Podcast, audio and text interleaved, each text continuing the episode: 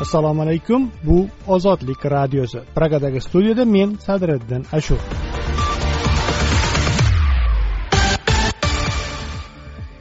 Ozodlikning bugungi dasturida internetda prezidentni haqorat qilganlikda ayblangan xorazmlik bloger uch yilga qamaldi. Ittifoq davlatiga qo'shilishi mumkin.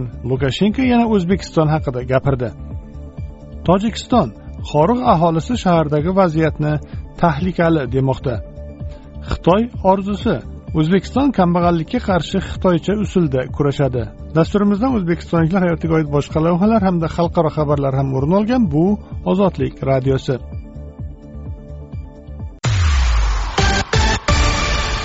Ozodlikda xabarlar. Kunning muhim yangiliklari bilan tanishing mikrofon oldida men sadiriddin ashur. O'zbekistonda ikki ming yigirma ikkinchi yilning yanvar oyida tirik tug'ilgan chaqaloqlar soni oltmish to'qqiz ming bir yuz to'qson sakkiz nafarni tashkil qildi.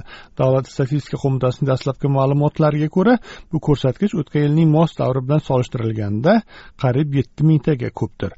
Joriy yil yanvarda tug'ilish soni bo'yicha birinchi uchlikda samarqand farg'ona va qashqadaryo viloyatlari qayd etildi. Endilikda boyovutda hokim kengash rahbari bo'lmaydi. Tuman hokimi dilfuza uralova sakkizinchi fevral kuni xalq deputatlari boyovut tumani kengash sessiyasida kengash raisligi vakolatini deputatlarga topshirgani to'g'risida hokimlik matbuot xizmati xabar berdi. Dilfuza uralova o'zbekistonda kengash raisi vakolatini deputatlarga topshirgan ilk hokim bo'ldi. Hokimning sessiyada so'zlagan nutqidan bu shaxsiy tashabbus emasligi anglashiladi. Uralova o'z so'zida tajriba tariqasida boyovut tumanida mahalliy kengash raisi deputatlar orasida saylanadi deb aytgan. O'zbekistonda ikki ming o'n to'qqizinchi yildan beri hokimlarning xalq deputatlari kengashi raisi sifatidagi maqomini bekor qilish bo'yicha gapirilib kelinadi. Ammo shu kungacha bu borada birorta amaliy ish bo'lgani kuzatilmagan.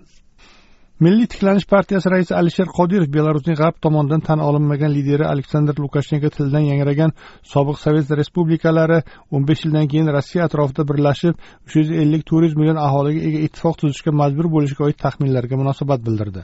Lukashenko qarashiga tanqidiy yondashgan qodirov zo'ravonlik va tahdid ustiga qurilgan davlatlar qanchalar mustahkam ko'rinmasin mo'rt bo'lishini tarix ko'p isbotlaganidan bahs etgan. Prezident mirziyoyev lukashenkoning bu bayonotini asossiz deya tanqid qilgan.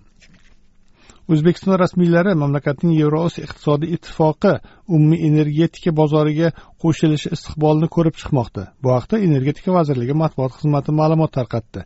Qayd etilishicha kuni kecha yevroosiyo iqtisodiy komissiyasining energetika departamenti o'zbekiston energetika vazirligi vakillari uchun yevroosiyo iqtisodiy ittifoqi umumiy energetika bozorining ishlash istiqbollari bo'yicha taqdimot o'tkazgan. O'zbekiston ikki ming yigirmanchi yil o'n birinchi dekabrda moskva yetakchiligidagi yevroosiyo iqtisodiy ittifoqiga kuzatuvchi davlat o'laroq qo'shilgan edi. Xalqaro xabarlarga o'tamiz aqsh prezidenti jo bayden va germaniya kansleri olaf sholts rossiyaning ukrainaga qarshi tobora kuchayib borayotgan agressiyasini muhokama qilish maqsadida yettinchi fevral kuni vashingtonda uchrashdi deya xabar qildi frans press agentligi. Muzokaralar chog'ida bayden ushbu masalada aqsh va germaniyaning pozitsiyalari uyg'unligini aytgan. Biz yevropada rossiya agressiyasini jilovlashda davom etish shuningdek xitoy tomonidan yuzaga keltirilayotgan muammolarni hal qilish uchun birlikda harakat qilamiz deya urg'ulagan bayden. Olaf sholts esa ikki mamlakat eng yaqin hamkorlar ekani hamda qizg'in mushtarak faoliyatga tayyorligini aytgan. Muxolifatchi aleksey navalniyga xayrxohlik bildirgani ortidan diniy xizmatdan bo'shatilgan ruhoniy georgiy suxoboki yanvar oyi oxirida rossiyadan polshaga ko'chib ketgan. Suxobokiga ko'ra u ijtimoiy tarmoqlarda melekas yeparxiyasi episkopi diodorni tanqid qilgandan so'ng tahdidli maktublar olgani tufayli rossiyani tark etgan. Ruhoniyning aytishicha yeparxiya xodimlari uning eshigi tagida poyloqchilik qilib oilasining tinchini buzgan yaqinlari va do'stlariga xat yo'llab uning la'natlangan va keyingi avlodlariga la'nat tegishi haqida yozganlar. Afg'oniston sharqidagi kunar viloyatida qor ko'chishi oqibatida halok bo'lgan kamida o'n besh kishining jasadi topildi. Viloyat hukumatining bildirishicha dang'am tumanidagi tog'li hududda qor ko'chishidan yana yigirma kishi jabrlangan. Ozodlik radiosi afg'on xizmatining xabar berishicha maydon vardoq parvon panjsher badaxshon va bag'lon viloyatlarida ham kuchli qor yog'ishi oqibatida ko'chkilar bo'lgan. Buning natijasida qator avtomobil yo'llari to'silib qolgan.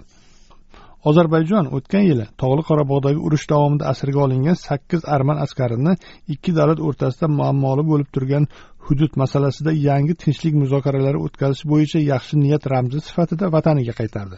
Ozarbayjon hukumati yettinchi fevral kuni arman askarlari insonparvarlik prinsiplaridan kelib chiqqan holda ozod qilingani to'g'risida bayonot berdi. Xabarlar bilan tanishdingiz. Boshqa yangiliklar ozodlik nuqta org saytida. Dasturlarimizni ozodlik nuqta org sayti ozodlikning youtubedagi sahifasi android va apple telefonlari uchun ishlangan ilovalarimizda onlayn tinglashingiz mumkin. O'zbekiston va dunyo yangiliklarini ozodlikda kuzating.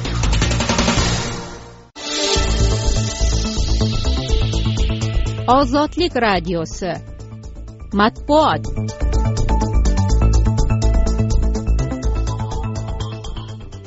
Internetda prezidentni haqorat qilganlikda ayblangan xorazmlik bloger uch yilga qamaldi. Tafsilotlar bilan men sadiriddin ashur.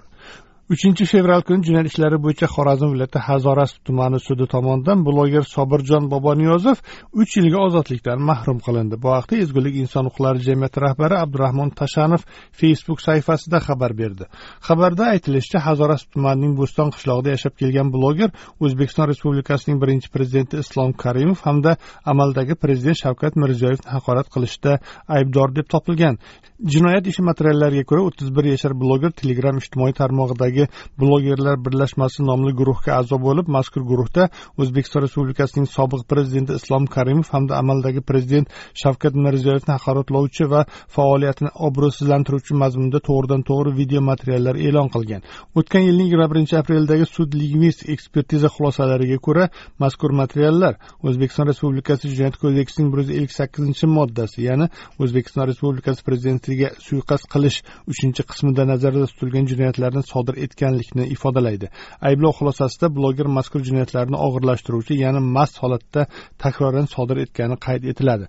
O'tgan yil martida qabul qilingan o'zbekiston respublikasining ayrim qonun hujjatlariga o'zgartirish va qo'shimchalar kiritish to'g'risidagi qonunga muvofiq prezidentini telekommunikatsiya tarmoqlari yoki internetda haqoratlash yoki unga tuhmat qilish uch yilgacha axloq tuzatish ishlari yoki ikki yildan besh yilgacha ozodlikni cheklash yoxud besh yilgacha ozodlikdan mahrum qilish bilan jazolanadi. Bundan tashqari kodeksda ommaviy tartibsizliklarga fuqarolarga nisbatan zo'ravonlik qilishga omma oldida da'vat qilganligi uchun javobgarlik belgilangan. O'tgan yil aprelda davlat xavfsizlik xizmati jizzax viloyati boshqarmasi tarmoqlarida tanqidiy chiqishlar bilan tanilgan jizzaxlik bloger valijon kalonovga nisbatan jinoyat kodeksining bir yuz ellik sakkizinchi moddasi uchinchi qismi bilan jinoyat ishi qo'zg'atgani ma'lum bo'lgan edi. Rasmiy xabarda kalonov ijtimoiy tarmoqlarda o'zbekiston prezidentini haqoratlaydigan uning obro'siga putur yetkazadigan va kamsitadigan ma'lumotlarni tarqatib tuhmat qilgani aytilgan. Kalonov keyinchalik sud tibbiyot ekspertizasi tomonidan aqliy nosog'lom deb topilib samarqand shahridagi birinchi sonli psixiatriya shifoxonasiga majburiy davolash uchun yuborilgan. Germaniyadagi o'zbek forumi inson huquqlari guruhi ikki ming yigirma birinchi yilning yigirma birinchi sentyabr kuni berlinda taqdim etgan hisobotda o'zbekistonda hukumat tanqidchilarini majburan ruhiy shifoxonaga joylashtirish amaliyoti shavkat mirziyoyev prezidentligi davrida ham qo'llanilayotganini tanqid qilgan edi. Xalqaro matbuot tashkilotlari o'zbekiston jinoyat kodeksiga kiritilgan o'zgartishlar so'z va matbuot erkinligini cheklashini aytishgan. O'tgan yil oktyabrda ikkinchi muddatga saylangan prezident shavkat mirziyoyev o'z ta'biricha qonuniy faoliyat olib borayotgan jurnalist va blogerlarni himoya qilishga va'da bergan edi. Ozodlik radiosi. O'zbekiston va dunyo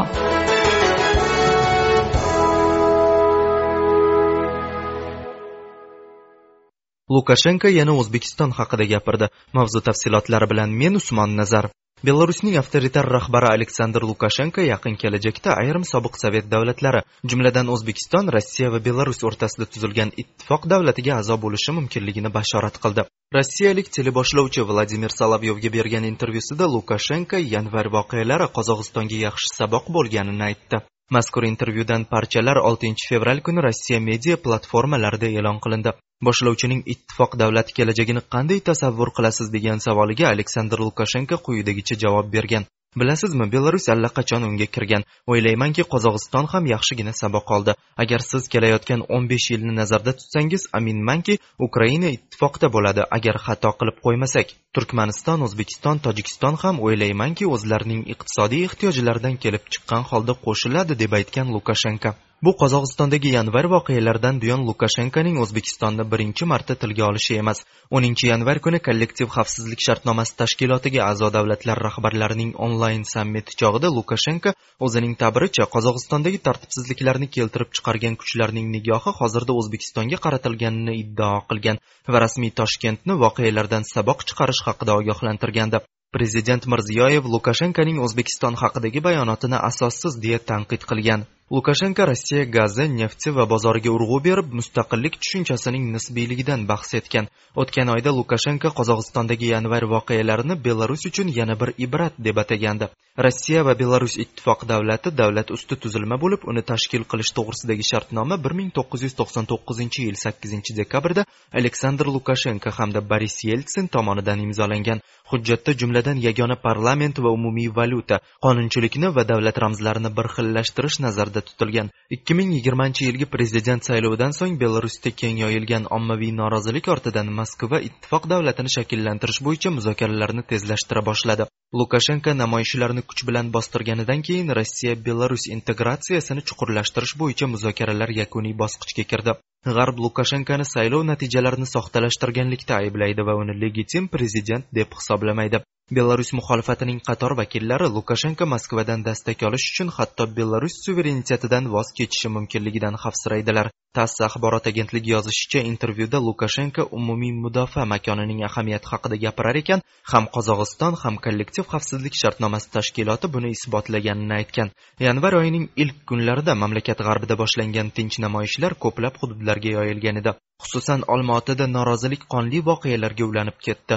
Namoyishlar chog'ida hukumat internetni o'chirib qo'ydi va mobil aloqani chekladi. To'qayev chet elda yetishtirilgan yigirma ming terrorchi olmaotaga hujum qilganini aytdi biroq o'z iddaosiga biron bir dalil keltirmadi. Qozog'iston rahbari rossiya boshchiligidagi kollektiv xavfsizlik shartnomasi tashkilotidan yordam so'radi. Shuningdek kuch ishlatar xodimlarga namoyishchilarga qarata ogohlantirmasdan o'q otishga buyruq berganini e'lon qildi. Qozog'iston rasmiylari yanvar voqealarida ikki yuz yigirma yetti kishi jumladan o'n to'qqiz nafar huquq tartibot xodimi nobud bo'lganini ma'lum qilishdi.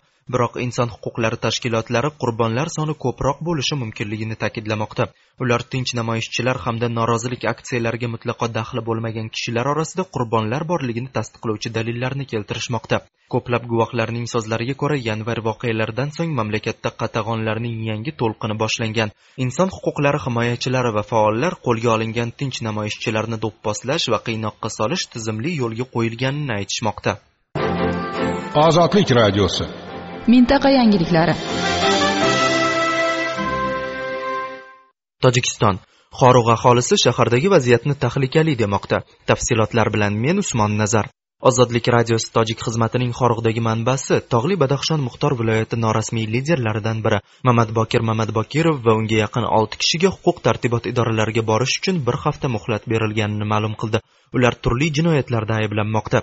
Mamadbokirov va oltovlon esa biron huquqbuzarlikka qo'l urishganini inkor etmoqda. Mahalliy aholi aytishicha harbiylar xorug'dagi mamadbokirovning uyiga yaqin dashti bolo degan joyga o'rnashmoqchi bo'lishgan.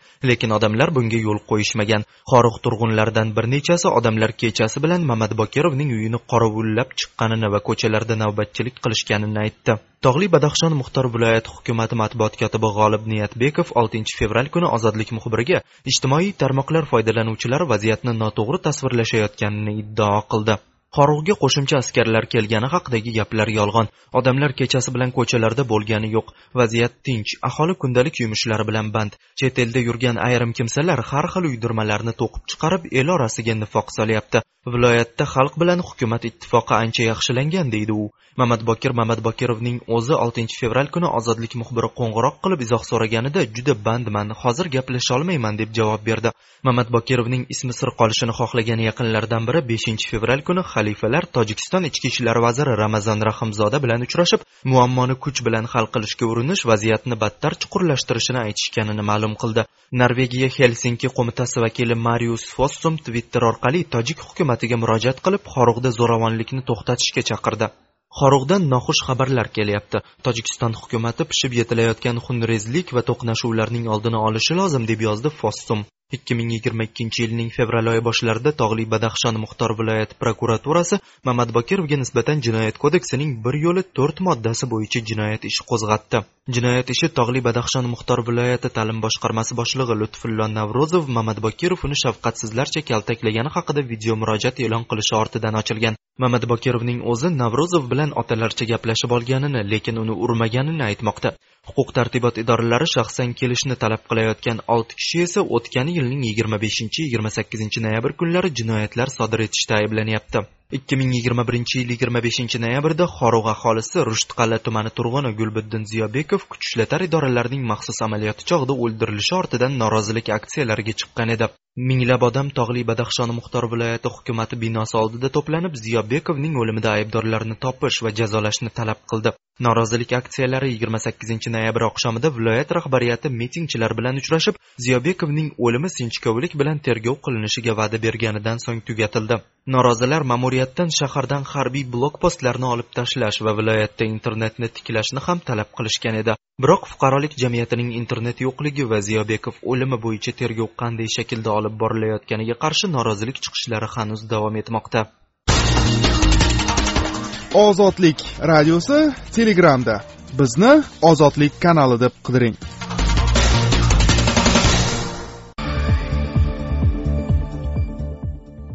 dastur davomida xitoy orzusi o'zbekiston kambag'allikka qarshi xitoycha usulda kurashadi. Aqsh rasmiysi rossiya istalgan kun bostirib kirishi mumkinligi haqida ogohlantirdi. Qirg'izistonda jurnalist bolot temirov ovozini o'chirishga qaratilgan kampaniyaga bir nazar. Dasturimizdan xalqaro hayot va mintaqa xabarlari ham o'rin olgan bu ozodlik radiosi.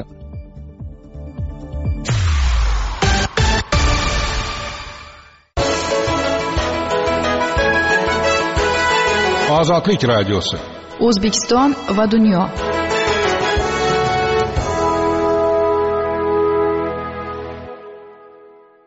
shu yilning beshinchi fevral kuni pekindagi qishki olimpiada o'yinlarining rasmiy ochilish marosimida qatnashgan o'zbekiston prezidenti shavkat mirziyoyev xitoy rahbari si zinpin bilan savdo iqtisodiy aloqalarga doir besh yillik hamkorlik dasturini imzoladi. O'zbekiston prezidenti matbuot xizmati va xitoyning sinxua agentligi tarqatgan xabarda aytilishicha o'zbekiston xitoyning kambag'allik va korrupsiyaga qarshi kurash tajribasini o'rganish va joriy qilishni rejalamoqda mavzu tafsilotlari bilan men umidbek.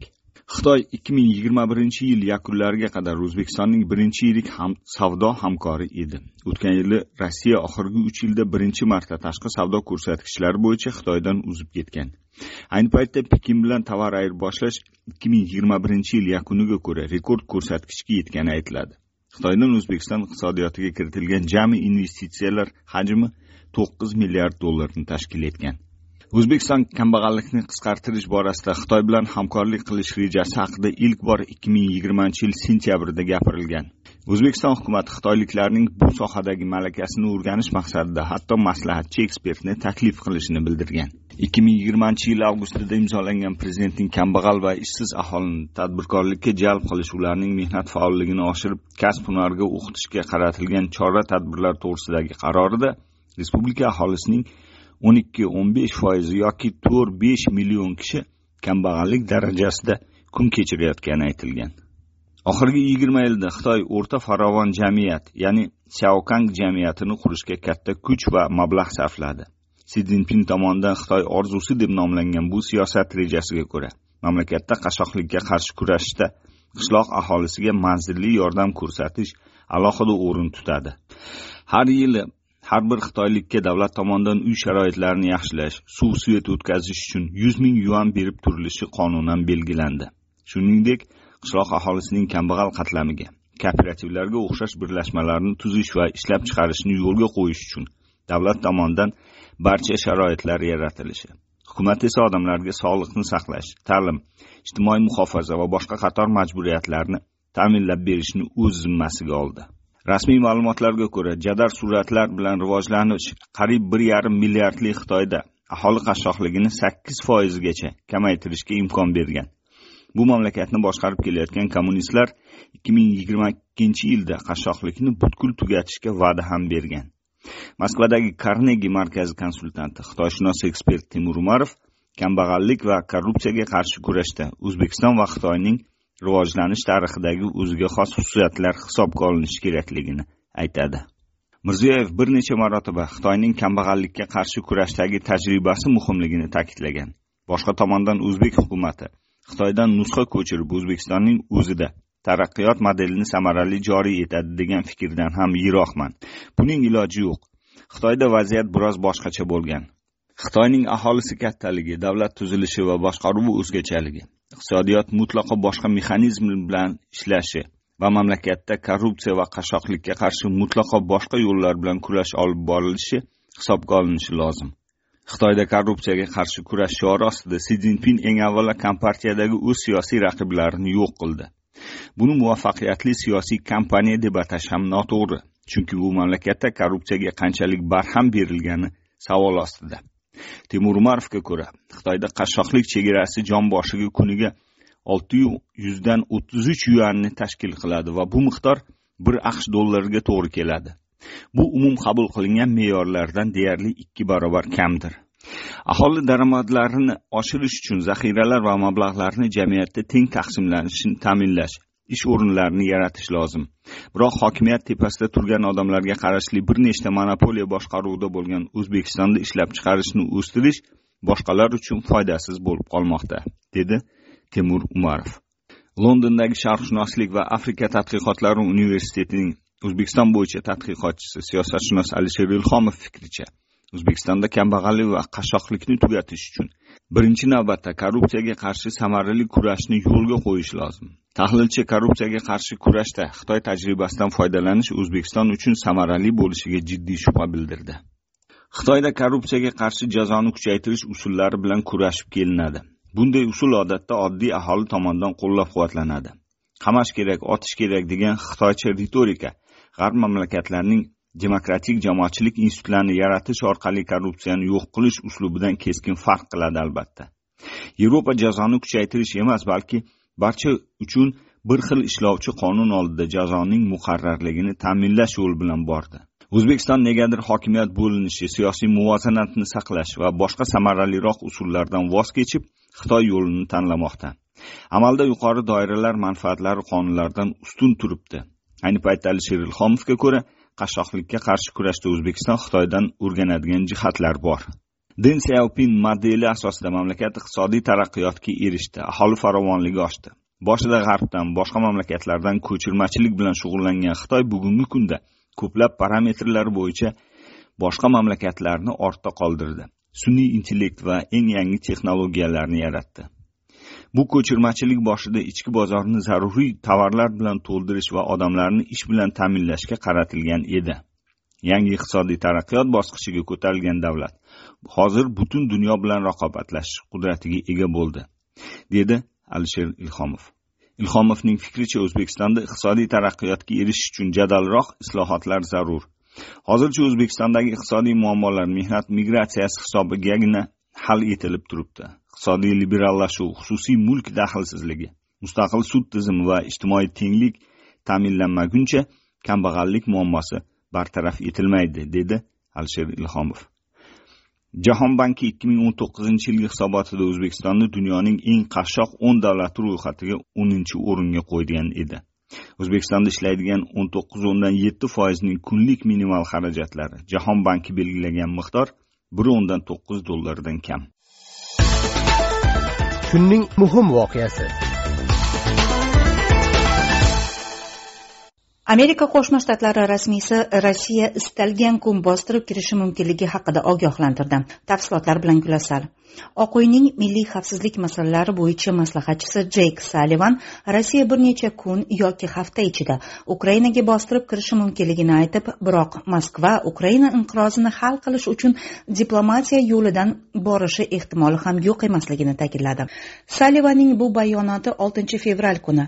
Ukraina prezidenti maslahatchisi rossiya bilan kuchayib borayotgan ziddiyatni urushdan ko'ra diplomatiya bilan hal qilish imkoniyati ko'proq ekanligini ta'kidlagandan so'ng qolaversa ukraina tashqi ishlar vaziri dmitriy kuleba qiyomat haqidagi bashoratlarga ishonmaslik chaqiriqlaridan so'ng yangiradi.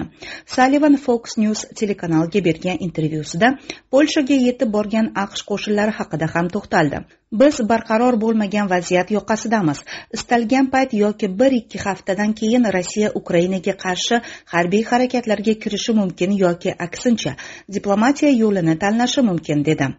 Rossiya ukrainaning donbass mintaqasini anneksiya qilishi kiberhujumlar uyushtirishi yoki ukrainaga keng ko'lamli hujum amalga oshirishi mumkin dedi u abc telekanaliga bergan intervyusida. Vladimir zelenskiyning maslahatchisi mixailo podolyak ham o'z bayonotida qanotida rossiya ruhiy bosimda ushlab turish uchun muntazam ravishda keng ko'lamli manyovrlar va qurol yarog' joylashtirishni amalga oshirayotganini aytdi. Bizning razvedka xizmatimiz va qurolli kuchlarimiz uchun rossiyaning bu fe'li ajablanarli emas dedi u.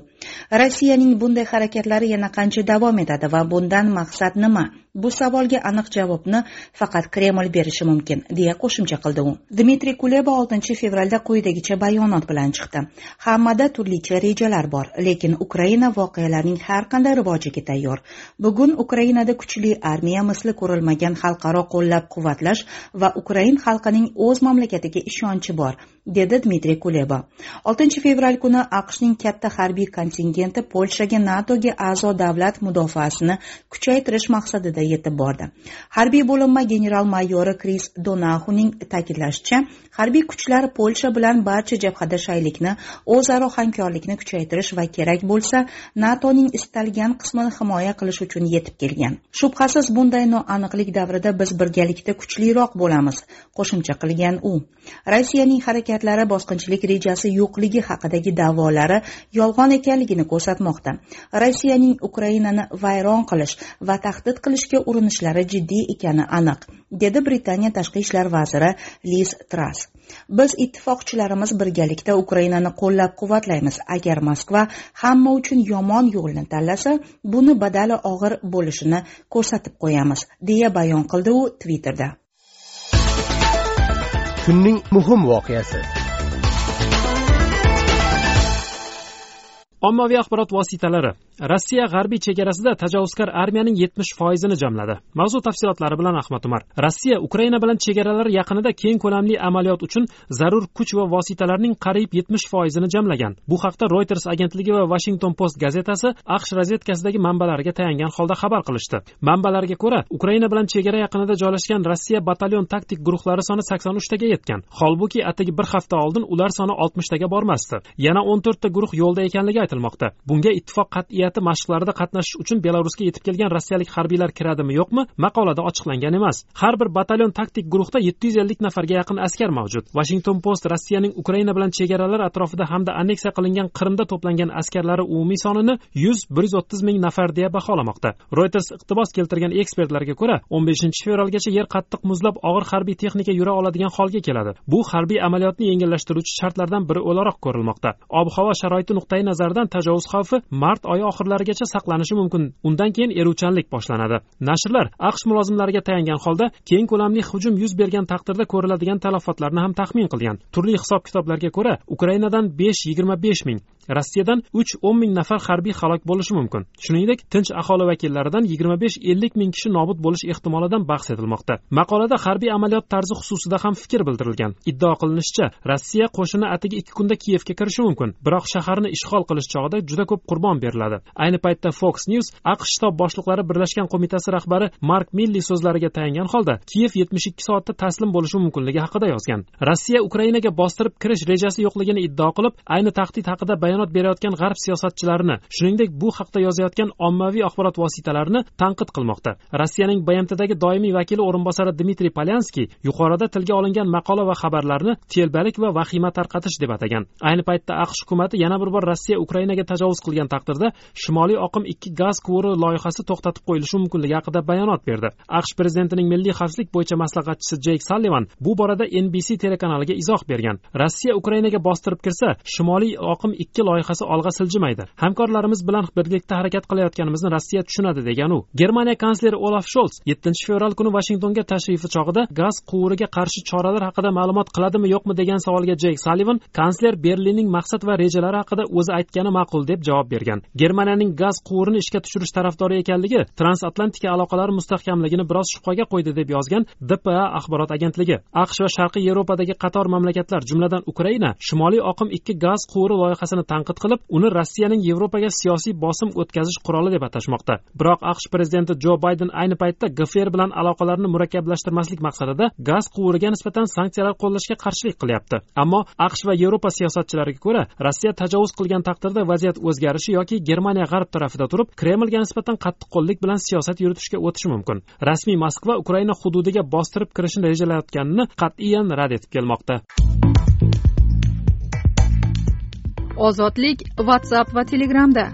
Plyus to'rt yuz yigirma yetti yuz yigirma to'rt to'qqiz yuz yetmish bir besh yuz o'ttiz to'qqiz. Plyus to'rt yuz yigirma olti yuz ikki olti yuz o'n ikki yetti yuz o'n uch. Marhamat bizga bog'laning.